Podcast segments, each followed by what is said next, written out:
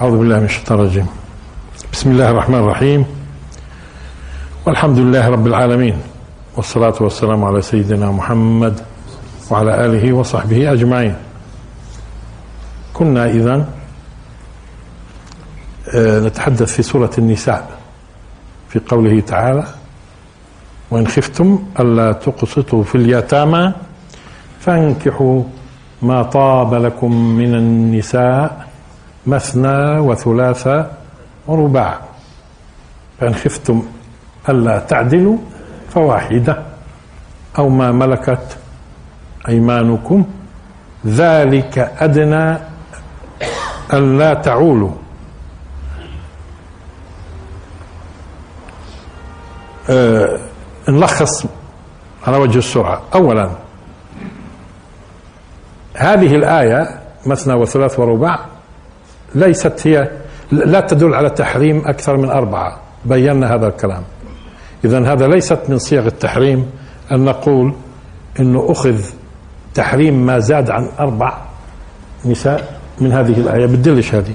فانكحوا ما طاب لكم من النساء مثنى ثلاث رباع إذا هذا ليس من صيغ التحريم إطلاقا. أي واحد. وإنما أخذ تحريم ما زاد عن أربع من السنة. هذه أول قضية. القضية الثانية مثنى هذا بدل أن نقول اثنتين اثنتين أو ثنتين ثنتين ثلاث ثلاث أربع أربع بدل ما نطول الجملة شو بكون بدلها؟ مثنى. إذا بدل إيش؟ اثنتين اثنتين أو ثنتين ثنتين. ثلاث ثلاث أربع أربع. إذا هذا معنى مثنى. يعني في حالة كونهن إيش؟ اثنتين. في حالة كونهن ثلاث أربع. مفهوم. أه وميزنا بين تقسطوا وإن خفتم ألا تقسطوا شو معنى القسط؟ وبعدين أه مثنى وثلاثة ورباع فإن خفتم ألا تعدلوا ميزنا بين العدل والقسط. فواحدة إذا أه فواحدة أو فواحدة مش قضية. يعني يجوز القراءتين. فواحدة إيش يعني فواحدة؟ يعني فواحدة تكفي. طب فواحدة يعني انكحوا واحدة. آه إذا وارد القراءتين. وقلنا إنه النكاح إيش معناه؟ إيش معناه؟ هو العقد العقد الذي يترتب عليه زوجية البشر رجل وامرأة هذا هو النكاح والقرآن والقرآن على فكرة لو عملنا دراسة في إحصائية استخدم أو إذا صح التعبير أخذ من زوجة زوجة تقريبا تقدروا تقولوا خمس خمس مرات فقط أتى فيها القرآن كفعل؟ فعل. و76 اسم. في حين نكح ما أخذ منها بنجد إنه خمسة فقط اسم والباقي أفعال. وبالطبع القدماء كانوا يستخدموا تعبير النكاح مثلا كتاب النكاح ما كانش يقولوا زواج لأنه أدق لأنه يعبر عن العقد الذي ينتج عنه زوجية الرجل والمرأة. وأما قضية الزوجية والتزاوج هذا أوسع مفهومه وأشمل من قضية لأنه ممكن الزوجية سبق قلنا مثلا أي فردين يكمل بعضهم البعض زوج. وممكن يكونوا مثلا زوج كنادر. مش هيك؟ أما إذا أنواع أدق التعبير النكاح وقلنا إنه النكاح ما بيعنيش الجماع اطلاقا فيش معنى إنه النكاح يعني جماع. وإنما هو العقد الذي يترتب عليه الزوجية. ومن هنا قديما كانوا يقولوا كتاب النكاح. ما كانوش يقولوا كتاب الزواج. جديد صاروا يقولوا الزواج. ليش هربوا؟ ليش هربوا الناس الجداد هذول؟ هذول اليوم قال يعني شفافين شوية شايفين في نكحة يكفيها إشي يعني مش مش مبين مزبوط طيب راحوا لك كتاب الزواج صار يقول وتحدثنا في المسألة. آه وإن خفتم ألا تقسطوا في اليتامى فانكحوا ما طاب طاب. طاب شو يعني؟ ممكن يكون ما حل لأنه ما كان حلال فهو طيب. أو يعني اللي بروك لك انتحوا كل واحد بروك له على كل واحد مزاجه يختلف عن مزاج الثاني. ما طاب لك. إما إذا فيها معنى الحل. الحل. لأنه حلال إذا هو طيب. هيك؟ أو طاب لك أنت يعني مزاجك. ما طاب لكم من النساء مثنى وثلاثة ورباع فإن خفتم فإن خفتم ألا تعدلوا بين هذه الزوجات. هناك القسط مع اليتامى وهنا العدل بين الزوجات. فواحدة أو فواحدة تكفي. واحد واحدة تكفي. تزوجوا واحدة. ذلك أدنى ألا تعولوا. تعولوا تعولوا هون بالذات المعنى التالي. تعولوا يعني تميلوا. أي ميل؟ لأنه دير بالك في عندنا هون إيش؟ لما يكون متزوج من وحده بده يحصل ميل. بده يحصل ميل. ذلك أدنى ألا تميلوا. أي ميل؟ الميل الذي فيه جور وظلم. اذا متى نقول اذا اذا شو الفرق بين الميل؟ لا ممكن يكون ميل مستحب. ممكن يكون ميل محمود. ممكن يكون ميل مذموم. التعبير ذلك أدنى ألا تعولوا يعني ذلك أدنى أن لا تميلوا الميل اللي هو إيش؟ ظلم. ظلم. وشذ بعض أهل اللغة لأنه مثل ما أنه في في الفقه مرات الناس بيشذوا في أيضا في أئمة اللغة أحيانا بيشذوا فهم فراحوا في اتجاه أنه هون ذلك أدنى ألا تعولوا يعني تكثر تكثر عيالكم فتفتقروا كمان. كيف لما قال سبحانه وتعالى وإن خفتم عيلة يعني فقرا. لا لا هو طبعا هنا أكثر أهل اللغة يقولوا لا هذه تعول مأخوذة من من عالة واللي فيها موضوع الفقر من أعالى هنا من عالة ومنه أعالى إذا شو هو العول شو هو العول هو الميل اللي فيه ظلم. واصلا ليش قضية انه تكثر عيالكم؟ ما هي الموضوع الموضوع اللي عم نتحدث فيه ما له علاقة بكثرة عيال ولا فقر ولا غيره. هون أنتم ألا تقسطوا في اليتامى فانكحوا ما طاب لكم من النساء مثنى ثلاثة وارباع فإن خفتم ألا تعدلوا اذا قضية قسط عدل. وهون بصير الميل. مش هيك؟ قسط عدل يعني وين موضوع الفقر ولا ملوش علاقة. كمان في اللغة ملوش علاقة. وإن كان يجوز الشافعي راح في اتجاه كثرة العيال. بس الشافعي يعني أئمة اللغة قالوا أنه لا مش دقيق مع أنه الشافعي من أئمة اللغة. طيب. ذلك أدنى ألا تعولوا. طيب هذه الآية اللي تحدثنا فيها.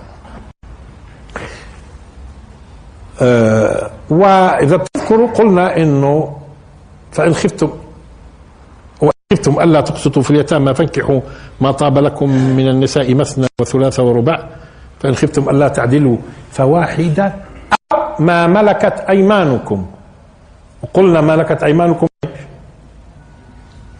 إيش ملكت أيمانكم؟ مفهوم. إيش مفهوم؟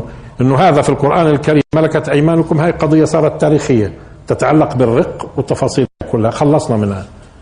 وبعض الناس كما قلنا في بعضهم شو زعم؟ زعم إنه ما ملكت أيمانكم يعني قال الكتابيات اللي مسيحية أو يهودية.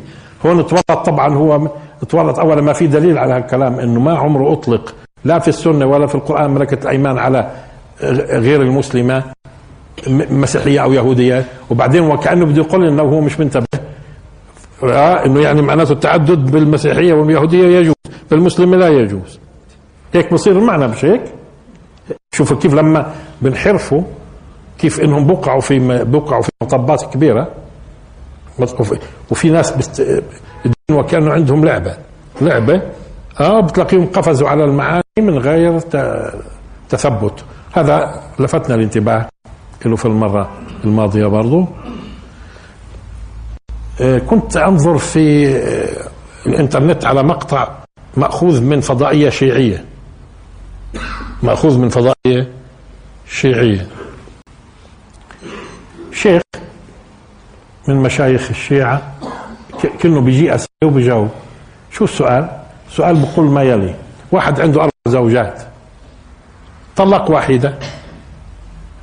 صار عنده قديش؟ ثلاث. راح تزوج واحدة. شو صاروا؟ أربعة. أجوا أولاد اللي اتطلقت أجوا أولاد اللي اتطلقت ضغطوا على الأب. بدك ترجع أمنا. طب كيف بده يرجع أمه؟ معناته بصير خمسة. أو بده يطلق واحدة. يعني مش معقول يطلق واحدة يعني من هيك ما لهاش ذنب. هلكت بصيروا خمسة. إذا رد على مش هيك؟ فقال هذا الشيخ قال لا يجوز إنه يتزوج يرجعها لأنه بتصير خمسة. بس أنا عندي حل. عنده حل شو هو؟ قال بتزوجها متعة. معناته اللي بده يعدد أكثر من أربعة يبقى هذا عندهم موجود. هذا عندهم مش إنه الشيخ جابها من عنده مش إنه أخطأ. أنا بس اعتبرتها مدخل. لاحظوا الفتوى إشي معناته بإمكان يكون عندك 100 و200 و300 بس إيش المهم يكون إيش؟ يكون متعة. يعني بمعنى آخر معناته اللي, اللي ما بصير نقول تتزوجها متعة لأن تتزوجها كلمة تتزوجها معناته زوجة وهو بصيرش أكثر من خمس زو... أربع زوجات. معناته المتمتع بها ليست زوجة. آه لحظة. المتمتع بها ليست زوجة بدليل كمان إنه مش واجبة نفقتها. شوف هيها بدليل إنه ممكن تكون خمسة وسادسة وسابعة المتمتع فيها. بدليل إنه لا تجب نفقتها. بدليل لا ترث. إذا مات لا ترثه. بدليل إنه ما بتعتدش ثلاث حيضات بكفي حيضة أو ثنتين. قال قال الأحوط ثنتين أو 45 يوم قالوا. ماشي؟ شو؟ لاحظوا اذا تطلع على أحكام الزوجة في الإسلام مش موجودة فيها. ترث لا. ممكن تكون خامسه نعم. يجب نفقتها؟ لا. طب تطلق تطليق؟ لا. شو تطليق؟ تنقضي المدة وخلاص. فيش تطليق. برضه بنطبق عليها طلاق. طيب إذا واحد تمتع بيصبح محصن يعني بعدين زنى نجي بنقيم عليه حد المحصن ولا حد البكر؟ لا حد البكر لأنه هذه بتحصنش هاي. هذه المتمتع بها بتحصنش. يعني اطلاقا مش أحكام الزوجة. اذا إيش معنى قول الله سبحانه وتعالى اللي قرأها الشيخ؟ والذين هم لفروجهم حافظون. إلا على وأعطى احتمالين بس. إلا على أزواجهم أو ما ملكت أيمانهم فإنهم غير ملومين. هي ما القرآن إلا إيش؟ ما هي زوجة مش زوجة؟ إذا كانها زوجة معناتها بدها ترث لو طلقت تطلق بتحيض ثلاث حيضات. إيه، إيه، مش هيك؟ تحصن. إذا تزوجها واحد بصير محصن. تفاصيل أحكام الزوجة. طب هذه إذا مش أحكام. طب القرآن قال اذا والذين هم لفروجهم حافظون إلا على أزواجهم أو ما ملكت أيمانهم فإنهم غير ملومين. هون جيد أقول وإن كنت أنا دائما بكون بحاول أكون بعيد عن هذه المسألة يعني بمجتمع عام. إنه حاول بعض العلماء أهل التفسير إنه يستفيد من هذه الآية في حرمة الاستمناء. حرمة الاستمناء. يبدو إنهم ما وجدوش دليل لا من سنة ولا من غيره على حرمة الاستمناء. فصاروا يدوروا في القرآن. وين يعني؟ فقالوا هيا بقول فمن ابتغى وراء ذلك والاستمناء وراء ذلك إيش؟ الكلام عن النساء إيش علاقة الاستمناء بالموضوع؟ وخصوصا إنه استخدم على اللي هي متعدية للاخر والذين هم لفروجهم حافظون إلا على على أزواجهم أو ما ملكت أيمانهم. على والرسول صلى الله عليه وسلم يقول احفظ عورتك إلا من زوجك. معناته لا يجوز أنا أنظر لعورتي لأنه هي بيقول احفظ عورتك إلا من زوجك. معناته على نفسي لا يجوز. مليحة والله. آه، آه، شو اللي اقترحه ذاك الشيخ الشيعي؟ آه، زواجها متعة. خلاص بصير خامسة وسادسة. آه. معناته خلينا نروح شوية مع بعض للآية 24 من سورة النساء. لأنه هذه الآية بيزعموا مش بس الشيعة مش بس الشيعة وبعض أهل السنة من المفسرين بيزعموا إن هذه الآية لها علاقة بالمتعة. بيزعموا. لأنه ممكن بعض أهل التفسير تجدون زلق في هذا الاتجاه. طبعا متعمد أنا كلمة انزلق. لأنه مش صحيح أنه في دليل في هذه الآية على المتعة. اللي هي الآية 23 من سورة النساء حرمت عليكم أمهاتكم وبناتكم وأخواتكم وعماتكم. بظل يتكلم في المحرمات. بعدين ندخل في الآية 24 بيستمر الكلام عن المحرمات ثم يقول وأحل لكم ويجوز تقرأوها برضو وأحل لكم وأحل لكم ما وراء ذلك ما وراء ذلكم؟ ذلكم مش هيك؟ هي على فكرة إذا كنت عم بتخاطب واحد ممكن تقول له ذلك. ممكن. وممكن إذا اثنين ذلكما. جماعة ذلكم. مش هيك ذلكم. إذا مرات استخدام ذلكم آه، عند مخاطبة الجماعة وذلك ممكن نخاطب الفرد. وذلكما مما علمني ربي كان يتكلم مع مين؟ يوسف عليه السلام. لما قال ذلكما مما علمني ربي كان يتكلم مع مين؟ السجينين اثنين. عشان هم اثنين شو قال لهم؟ ذلكما. هون عم بقول آه, آه وأحل لكم ما وراء ذلكم أن تبتغوا بأموالكم. محصنين غير مسافحين. لحظة. فما استمتعتم به منهن فآتوهن أجورهن فريضة. طيب نشوف. أول شيء لاحظوا أنه السياق هو سياق إيش؟ سياق عن المحرمات اللي المحرمات حرمة مؤبدة لا يجوز الزواج منها. حتى لما بقولوا أن تجمعوا مثلا بين الأختين هذاك مؤقت أنك تجمع بين الأختين. يظل محرم. الجمع بين أختين. تمام؟ عم بتكلم عن المحرمات. إشي طبيعي بعد ما يتكلم عن المحرمات يقول أحل لكم ما وراء ذلكم. يعني إيش ما وراء ذلك؟ خلاص هاي النساء المحرم الزواج منهن الباقي إيش؟ مباح. إذا الكلام عن الزواج مش عن المتعة. الكلام عن الزواج. السياق عن إيش؟ الزواج وإذا كان عن المتعة معناته وين الكلام عن الزواج؟ إذا كان عن المتعة وين الكلام عن الزواج؟ الغريب بيكون الكلام عن المحرمات من النساء بعدين الكلام عن المتعة. طب وين الزواج الزواج الدائم؟ وينه؟ منين جاء طبعا الإشكال؟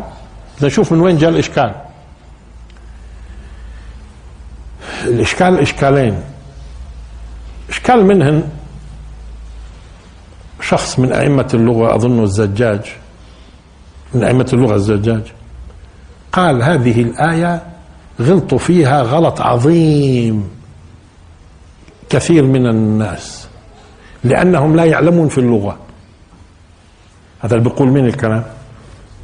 إمام من أئمة اللغة الزجاج؟ إنه هذه الآية بالذات غلطوا فيها غلط عظيم. وأرجع الغلط لإيش؟ أرجع الغلط لأنهم بيعرفوش في اللغة. ومين اللي بيتكلم قاعد؟ إمام اللغة. الزجاج. ليش ممكن يكون في مفسرين بيعرفوش في اللغة؟ ممكن. في. ممكن ما يعرفوش. في أصلا في علماء في أئمة اللغة بطبوا مرات في اللغة.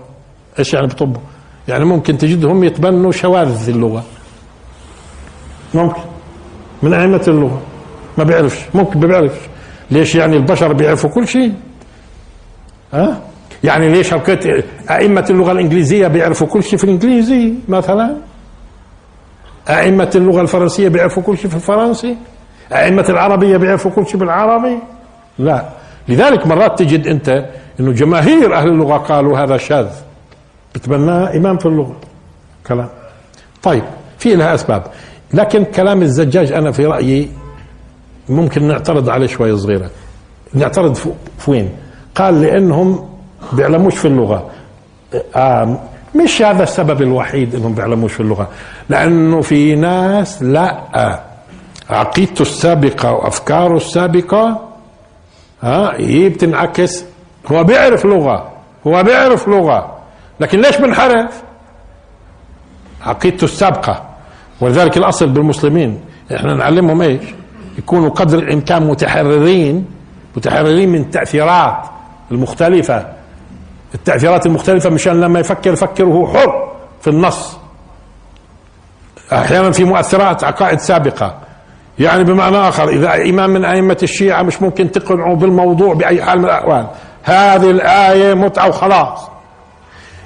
لو تجي له من مليون باب بيطلع من مليون شباك. وأنا مجرب. إيش يعني مجرب؟ وأنا عم بقرأ في كتب التفسير من شيعة وسنة. كتب التفسير. تجد كث... الإنسان المفسر الشيعي تجده ماشي معك تمام تمام تمام تمام لما تيجي بدعته. لما تيجي بدعته ببطل يعرف عربي. طب ما هو امام في العربي. بطل يعرف عربي ليش؟ ودير بالكم إحنا ممكن نوقع فيها إحنا دير بالكم نفس الموضوع. إذا بنكون متعصبين كيف تربينا وكيف فهمونا وإحنا صغار نصير نلف وندور. نصير نلف وندور ندور لها على حل في اللغة وغير اللغة. هذا بصير. إذا الزجاج شو بقول غلطوا فيها غلط كبير لأنهم بيعرفوش لغة. لا آه مش بس لأنهم بيعرفوش لغة ولأنه الإنسان بطبيعته يغلب عليه إذا مش متربي تربية سوية ومش معلم كيف يفكر بتفكير سوي. ويكون ويكون مراقب نفسه. ما هو برضه في شهوة شهوة مش شهوات كثيرة. من ضمنها إيش؟ شهوتي في إن الشيء اللي مقتنع فيه يثبت إنه هو صح. آه طيب نيجي نشوف الآية. أولا وأحل لكم ما وراء ذلكم يعني من النساء. أن تبتغوا بأموالكم. لأنه ممكن لأنها علاقة زوجية علاقة شريفة وراقية. وراقية. ممكن بعض الناس يشوف موضوع المصاري والمهر غير لائق. ممكن هيك ناس يشوفوا الناس حساسة كثير إنه يعني الزوجية أرقى من هيك إنه يكون فيها مهر. و3000 و4000 و5000 ها؟ إلى آخره وعشرة. آه يقول لك هي بيع شروة ولا إيش؟ فلا. فيبدو هون اجى قال إنه آه أحل لكم تب... آه، ما وراء ذلكم أن تبتغوا بأموالكم. أي أول قضية. أول قضية نتحرر منها أنه يجوز يجوز إعطاء المهر ومش بس يجوز أكثر إذا من كان متحرج من موضوع المهر لا. الله أباح لكم وأحل لكم أن تبتغوا بأموالكم. يعني ما بيجي بقولها في البيع والشروة. في البيع والشرب ما هو الناس بتبيع وبتشتري بالأموال. لكن هون لأنها مسألة إنسان وإنسان وعلاقة زوجية. وأبوي وأمي وجدي وجدتي. فبالتالي إيش هذا؟ إيش إيش المصاري هاي؟ ليش دخلت في الموضوع؟ لا آه الله قال ويبدو القضية لها حكمة في موضوع كيف كينونة المرأة كمان. والهدية والتفاصيل هاي كلها. فقال وأحل لكم ما وراء ذلكم أن تبتغوا بأموالكم. إذا أول مباح هون إيش تكلمت عنه الآية؟ إنه يكون في مهر. أن تبتغوا بأموالكم. بس بشرط. الابتغاء بالأموال هذا يكون على أساس الزواج الحلال. محصنين غير مسافحين. يا محسنين. قابلها إيش؟ المسافح. المسافح مين هو؟ المسافح مش قضية فقط الزاني. اللي بيكون همه همه بس بس بس بس إنه بده يصب هالميات. ما هو شو معنى السفح؟ أو أو دما مسفوحا. شو يعني الدم المسفوح؟ الدم السايل آه؟ والسفاح معناته فيها صب المني كمان. يعني طب هذه الله خالق العلاقة الزوجية والتفاصيل هاي والمني والبويضة والتفاصيل لأنها هذا إيه؟ في النهاية بيخرج عندنا الإنسان صور ابنك وحفيدك وأبوك وأمك وجدتك كله وإحنا هيك. هذا إشي جميل جدا. تصور محسنين غير مسافحين. والمتعة أصلا شو بكون القصد منها؟ المتعة شو بكون القصد منها؟ القصد منها يعني إحصان ما أنتم قلتوا إنه لا تحصن لا تحصن المرأة المتمتع فيها. يعني لو تزوج عشرين متمتع فيهن ما هو مش زواج أصلا. ها؟ ما هو برضه في النهاية إيش؟ مش محصن هو. بدليل إذا زنى لا نقيم عليه حد المحصن. إذا مش محصنين. مش محصنين. ومش يكون همكم إنه هالمية بدنا نسفحها. محصنين. غير مسافحين. واصلا المتعة لا هي مح... المتعة مش محصن ومسافح. آه بجوز بعض الناس قاعد بيسألني إيه، شو المتعة؟ أنت بتقول متعة لك ساعة. آه نسينا. نسينا. المتعة اللي هي يعني تباح عند الشيعة. أنا ام الشيعه الشيعة الإسماعيلية اللي هم عندنا كفار لا. الشيعة الإسماعيلية تحرم. الشيعة الزيدية اللي هم أقرب ناس إلنا لا يحرمون. الخوارج لا يحرمون. أهل السنة يحرمون. إجماع. وإذا في أقوال هون وهناك كلام هذا ما له علاقة بخرق الإجماع. مجمع الأمة على حرمة ال وإنسوا هذا اللف والدوران اللي بصير عند البعض. ولا مين اللي أباحوها؟ الشيعة الإثنى عشرية. الشيعة الإثنى عشرية. اللي بسموهم الجعفرية. هذول بيبيحوها. أما تصوروا الإسماعيلية اللي هم عندنا كفار الشيعة الإسماعيلية بتحرمها. الزيدية اللي أقرب الناس إلنا بيحرموها. الخوارج بيحرموها زي الأباضية والإباضية اللي هو موجود منهم فرقة الآن الخوارج. موجودة في عمان وفي الجزائر شوي. ماشي؟ كله يحرم. كله يحرم. إيش المتعة؟ المتعة أو بلاش المتعة الزواج المؤقت. الزواج المؤقت. لأنه شو قال هذا الشيخ وهو يجاوب؟ شو قال؟ قال ممكن يتزوجها متعة 20 30 40 سنة. يعني يحط في العقد 40 سنة 30 خلاص. ما هي الاختيار قديش بدها تعيش يعني؟ هي رجعها. ام الأولاد الخامسة هاي. يعني بإمكانه يكتب عقد بينه وبينها لمدة 30 سنة. شو؟ لاحظها اذا هو الزواج المؤقت. تزوجتك لمدة 100 سنة. ممكن مؤقت المية شو بصيرن 90 وال90 ممكن يصيرن 40 وال40 يصيرن إيش؟ سنة والسنة ممكن شهر والشهر ممكن إيش؟ يوم واليوم شو ممكن يصير؟ ساعة.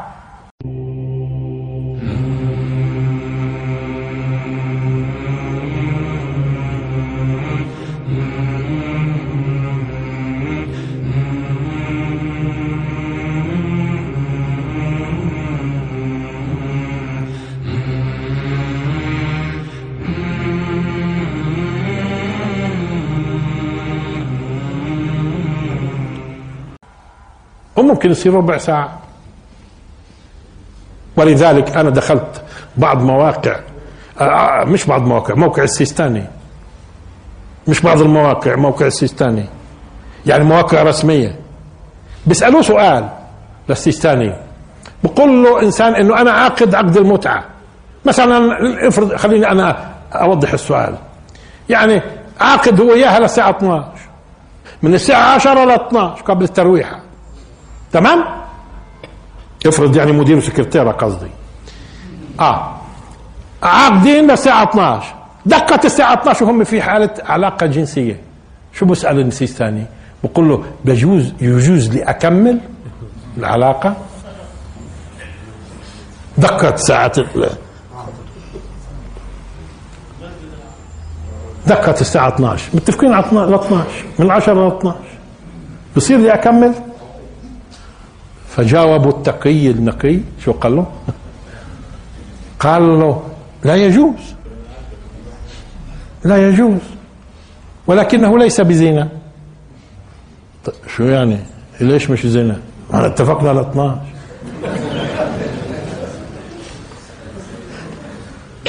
بجاوبه بقول له لا يجوز. بس إيش؟ مش زنا. مش زنا. أكيد في لها حل يعني. كان ممكن لها طرق يعني ما أدري. آه، ممكن تجديد العقد يجوز ولا ما يجوز؟ هاي مشكلة. المهم آه شفتوا وين؟ قديش الارتقاء في العلاقة؟ قديش الارتقاء في العلاقة الزوجية؟ ما شاء الله. طبعا طبعا المشكلة تكمن وين؟ طبعا ما ياخذناش الوقت مشان نفسر شوي فما استمتعتم. به منهن قولوا لي بس قبل بخمس دقائق. آه المشكلة وين يا محترمين؟ المشكلة إنه بيعطوا زواج المتعة قيمة لا يعطوها للزواج الدائم. إذا شو هو الزواج المتعة؟ الزواج المؤقت بوقت بغض النظر قديش الوقت. بغض النظر قديش الوقت. لأنه ممكن لو واحد اجينا قلنا له عقد عليها ل 20 سنة. الناس يعني تبلعها. ماشي الحال. ل 20 يعني حياة زوجية هاي. أما ربع ساعة وعشر دقائق وممكن خمسة. العجيب في الموضوع إنه ما يلي. اولا هذا الزواج التمتع ما بده شهود. بده شهود. بغير إذن وليها إيش بتكون نكاح نكاحها؟ باطل باطل باطل. الحديث اللي روته عائشة رضي الله تعالى عنها. لاحظوا فيش شهود؟ اثنين. فيش داعي موافقة ولي الأمر. فيش شهود؟ وفيش موافقة ولي الأمر. بجوز يقولوا لي لا أنت مش دقيق هيك لأنه في منهن في منهن نسوان لازم في يكون موافقة ولي الأمر. مين؟ قال البكر معناته اللي سبق لها تزوجت هذه بدهاش ولي أمر. يعني بمعنى آخر السكرتيرة اللي سبق لها أن تزوجت حتى لو أبوها موجود وجدها موجود آه هذه بتقدر تتزوج المدير ربع ساعة. بدون ما شهود وبدون ما آه تسأل أبوها. تمام؟ مين اللي ب... مين اللي يجب إنه يكون في لها ولي؟ مين اللي لها ولي البكر البكر. غير المستقلة شو يعني؟ اللي بتشتغل البكر اللي بتشتغل وبتنفق على حالها هذه برضه بدهاش ولي البكر اللي بتنفق على حالها ما كثير البنات اليوم عندنا مالهن مثلا بيشتغلن وبقبضن أكثر من أبوها. تمام؟ هذه مستقلة هذه برضه بدهاش. ولا بس البكر اللي غير مستقلة في نفقتها واللي أبوها وجدها موجودين. يعني إذا ميت الأب والجد خلصنا. يا أخوها مالكش علاقة. يا أخوها مالكش علاقة. في داعي شهود فيش داعي شهود. في داعي في داعي ولي أمر فيش داعي ولي أمر. أقول لكم بهذه الطريقة بها وأنا وأنا قلتها عدة مرات. بهذه الطريقة أسوأ من الزنا. ليش؟ تقوم تقولوا لي ليش أسوأ من الزنا؟ ليش أسوأ من الزنا؟ شوفوا. أولا جردوا الزواج من كل من كل الأمور اللي, اللي الدين أجى احتاط لها مشان يكون شهود ما فيش ولي أمر ما فيش. ربع ساعة ماشي الحال. آه بس خلينا نكون آه، برضو دقيقين. آه، آه، بدها تعتد يا إما حيضة والأحوط حيضتين. وبعضهم قال 45 يوم. هي أفرقت عن الزنا. إنه يعني في في على القليلة 45 يوم تقدرش تمام؟ طيب ليش أسوأ من الزنا؟ لأنه أولا العجيب فيهم العجيب فيهم إنه يأتوا بأحاديث من عندهم للأئمة منسوبة. هذه الأحاديث شو بتقول؟ تجعل من المتعة قرب عظيمة إلى الله خصوصا النسوان اللي اللي بتمتعن شو مقامهن عند الله؟ طب كيف بده يراجعها أبوها يا أخوي بعد هيك بدها تتقرب إلى الله. بده يمنعها إنها ترتقي وترتقي وترتقي. طب جيبوا لنا حديث عن الزواج الدائم إنه برضه يعني ثوابه عظيم. جيبوا بيجيبوا أحاديث من عندهم طبعا من الأئمة على قديش. بتسمع تسمع أنت بتسمع.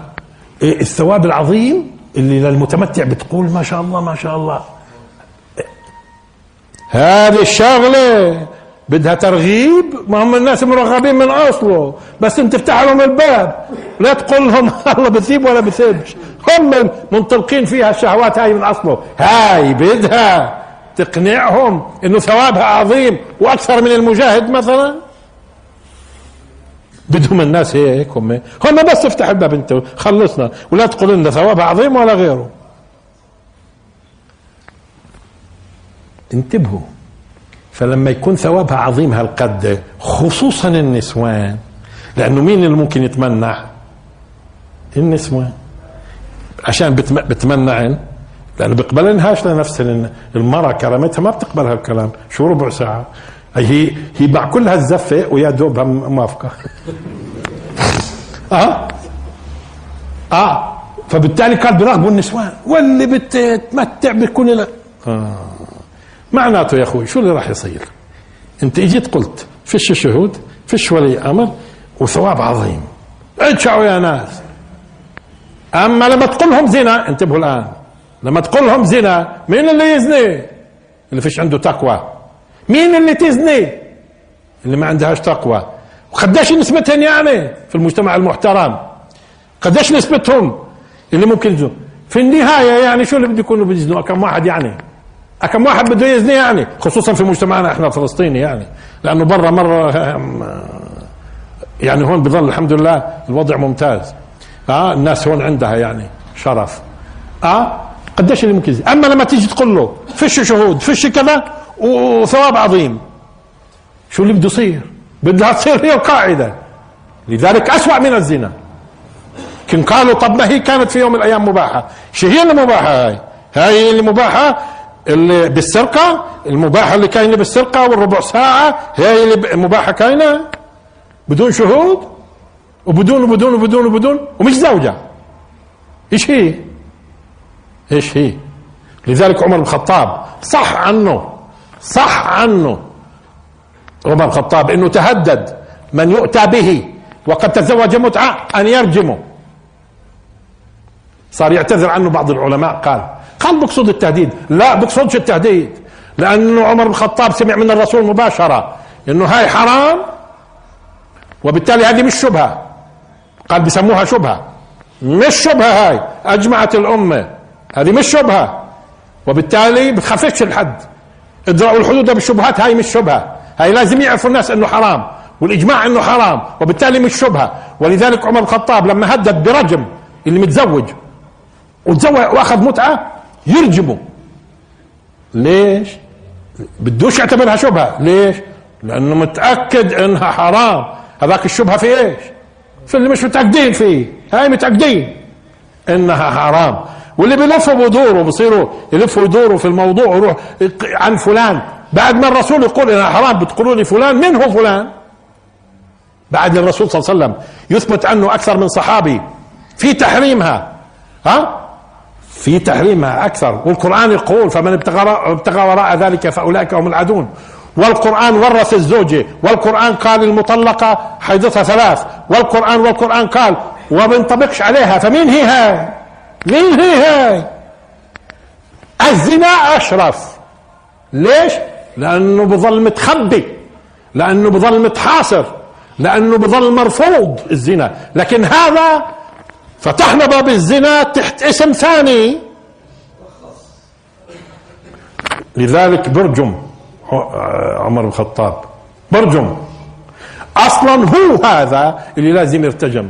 لأنه هو هذا اللي بده يفتح باب الزنا بشيء اسمه متعة. شيء اسمه متعة. وزي ما بوقعوا المفسرين أحيانا بعضهم في أساطير بدسوها في القرآن أو بينسبوا للأنبياء. أمور لا تليق. برضه في بعضهم في هذه المسألة صار يلوك ويقول قال فلان وقال فلان والأحاديث قدامه والأحاديث صحيحة ومش عن صحابي واثنين ها؟ في تحريم المتعة. إيش يعني قال فلان؟ أنا فلان هذا. اللي بيقول مع وجود النص. والناس الشريفة أصلا هذه بتدخل الهاج يعني انو بتقبلها لبنته. طب ليش بتقبلهاش؟ وليش بتقبلوهاش الناس؟ آه فهون نرجع الآن للتفسير فما استمتعتم به منهن. فآتوهن أجورهن. أجوا قالوا انتبهوا الآن قال هيو الدليل على أنها متعة أجورهن. أجور وهذا انحراف. ليش؟ لأنك أنت لما تغمض عينيك عن استخدام تعبير أجور بدنا نفهم فيما بعد إن شاء الله شو أجور. عن استخدام القرآن لتعبير أجور. في آيات ثانية وتقول هذه الآية بتدل على المتعة بدليل كلمة الأجور. آتوهن أجورهن. طيب ممتاز. إذا فسر لي قول الله سبحانه وتعالى يا أيها النبي إنا أحللنا لك أزواجك اللاتي آتيت أجورهن. هاي أجورهن. وفي إجماع الأمة شيعة وسنة الرسول لم يتمتع. بإجماع. طب هي آتيت أجورهن هاي الرسول. والمحصنات من المؤمنات. والمحصنات من الذين أوتوا الكتاب من قبلكم. أه؟ إذا آتيتموهن أجورهن. لاحظوا محصنين غير مسافحين. شوفوا التأكيد اللي وارد في الآية هذه. محصنين غير مسافحين. برضه هاي في المتعة. ما بقولوش في المتعة. طب هاي أجور فانكحوهن بإذن أهلهن. وآتوهن أجورهن. كمان النساء اللي كانوا مهاجرات كانوا يهاجرن يسلمن ويهاجرن يكون زوجها كافر وتهاجر للمدينة. ولا جناح عليكم أن تنكحوهن إذا آتيتموهن أجورهن أي أجورهن؟ إذا هاي أول انحراف. إنه إنه بيعمل حاله مش شايف إنه إنه, إنه القرآن بيستخدم الأجور في المهور. هاي واحد. اثنين. فما استمتعتم به منهن؟ فآتوهن أجورهن. قال هي استخدم استمتع. فما استمتعتم به منهن؟ فآتوهن. هاي استخدم استمتع. أولا بدي تنتبهوا إنه متع هذا الفعل الجذر هذا الجذر متع في القرآن الكريم يعني اشتق منه تقريبا 71 اشتقاق. 71 اشتقاق. متع طيب إيش هو؟ الآن راح طبعا نيجي على المعنى. إيش معنى؟ على فكرة متع والتمتع إيش معنى؟ أنتوا على كل أنتوا بتعرفوا في إنه في في الحج شيء اسمه متمتع ولا ما فيش؟ هذا اللي بيحل إحرامه اللي بيحق له إنه يتخفف من الإحرام هذا متمتع. مش هيك؟ وللمطلقات متاع بالمعروف. أحق على مين؟ على المتقين. على المتقين. إيش هو المتع آه، إيش المتعة هون؟ إيش المتعة هون؟ طب نعرف اذا إيش هو يعني. نعرف إيش هي في اللغة أول شيء. اولا لاحظوا هي انتفاع فيها معنى الانتفاع. اثنين لاحظوا. إيش قديش؟ طيب طيب لاحظوا. فيها معنى الانتفاع وفيها معنى لاحظوا. امتداد المدة بخير. امتداد. على فكرة متعناهم إلى حين. كيف قوم يونس مثلا لما آمنوا رفع عنهم العذاب اللي كان ممكن ينزل فيهم ومتعهم. شو يعني متعهم؟ لحظة.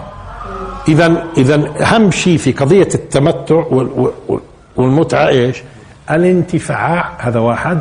اثنين اثنين وامتداد انت... لحظة هي الركن الأول. انتفاع الركن الثاني. امتداد مدة في خير. هذا هو التمتع بشكل عام. الله يمتعكم في صحتكم. والله يمتعكم في دينكم. والله يمتعكم بجيرانكم. و... آه شو يعني؟ معناته انت بتنتفع الانتفاع اللي فيه إيش؟ أو امتداد بخير. يمد خير. هذا طب التلذذ؟ أه، حلمك قلت لذلك إحنا لاحظوا بنستخدم متاع البيت لأنه من الأمور التي تنتفع فيها في البيت ولمدة كمان. يعني فيها امتداد شوية. إن كان. آه. طب ولكن مش قادر أفهم أنا ليش يعني بروح الذهن في التمتع فقط للتلذذ تلذذ إيش؟ تلذذ جسدي ولا روحاني؟ ولا إيش؟ يعني الواحد بتلذذ ولا بتلذذش لما يسمع آه صوت آه يسمع مثلا أبيات شعر جميلة أو صوت المنشاوي؟ بتلذذ ولا بيستمتع. بيستمتع. ها ها. وأي شيء بتستمتع فيه غالبا بده يكون على فكرة بينفعك بطريقة أو بأخرى. طيب لحظة. ممكن يضرك. هذا موضوع ثاني التفصيل. لكن خلينا نشرح فما استمتعتم به. هون بدي أطرح قضية. وجدت صاحب المنار اللي هو محمد رشيد رضا بيرد على بعض المفسرين وبقول ليش ما يكون كلمة فما استمتعتم استمتعتم؟ ليش؟ ليش ما يكون فيها معنى الطلب؟ وهكذا رح تعرفوا ليش بقول هيك. إيش الطلب يعني؟ كيف لما نقول استمطر عم بطلب المطر؟ واستغفر عم بطلب المغفرة؟ واستنصر عم بطلب النصرة واستصرخ يعني يا ناس تعالوا اذا اذا هذا فيه معنى إيش؟ الطلب. وشو المانع؟ استمتع طلب المتعة. طلب الانتفاع الممتد بخير. عم بيطلب الانتفاع الممتد بخير. آه. اذا وأنا بشوف إنه هذا كلام محمد رشيد رضا في هذه المسألة في مكانه. ليش؟ والقرآن بده يقول هيك. لاحظ. وأحل لكم ما وراء ذلكم أن تبتغوا بأموالكم. اولا إنه لو كان المسألة آه، آه، ابتغاء بالمال مش ممنوع لأنه ممكن أتصور إنه ممنوع لأنه هاي علاقة شريفة فوق المال. واصلا لمرة واحدة. طيب أصلا لمرة واحدة. يعني مش زي زي أي شغلة كل ما لا. فما استمتعتم به منهن يعني أي واحد فيكم يطلب شوفوا لأنه دائما مين الطالب وين المطلوب؟ مين الطالب مين المطلوب؟ الرجل طالب في الغالب هل يجوز المرأة تطلب؟ نعم. بس غالبا فطرة الناس مين اللي يطلب؟ وحتى الحيوانات على فكرة اللي دائما بتعرض إذا بتلاحظوا للأنثى الذكر إلا بقول لك نادر في طائر اسمه النورس. هذيك الأنثى اللي دائما بتتعرض للذكر النورس. ماشي؟ أما باقي الكائنات بتلاقي مين اللي دائما يحتل؟ الذكر. مين اللي يطلب؟ الذكر. آه. فالكلام هون الان الذكر. الذكر مين؟ الذكر اللي هو أصلا بطبيعته منتج. وهذيك هذيك وظيفتها الاجتماعية الراقية تمنعها إنها تكون دائما مكتسبة. أه؟ ولذلك فما استمتعتم. يعني ما ما طلبتم من منفعة وخير ممتد في العلاقة فيهم فأتوهن اجورهن نجي لاجور نجي لاجور أجور. بسرعة. لاحظوا شو الأجر؟ أجر وما اشتق منها في القرآن وردت في حدود 108 مرات. 108 مرات. وأكثرها يستخدم في الثواب. لأنه أنتوا إيش؟ أنتوا بتتعبدوا وبتتوقعوا من الله إيش؟ الأجر العظيم. الأجر العظيم. إيش الأجر يعني؟ أكثر ما استخدم يعني تقريبا في حدود 100 ممكن يكون مستخدمات في هذا المعنى. إذا وارد في حدود أجر قديش؟ 108 أجر ومشتقاتها. كلها غالبا مستخدمة في إيش؟ أصلا معنى الأجر هو المثوبة المثوبة. إنك طيب فاذا فأي امرأة تطلب إنه يكون في انتفاع وامتداد بخير في علاقة بها مش هيك؟ فادفعوا لانهم متحرجين أصلا الأصل إنه هل يجوز المهر ولا ما يجوز؟ لا هذه علاقة كويسة والمرأة تعطى لأنه مين المنتج؟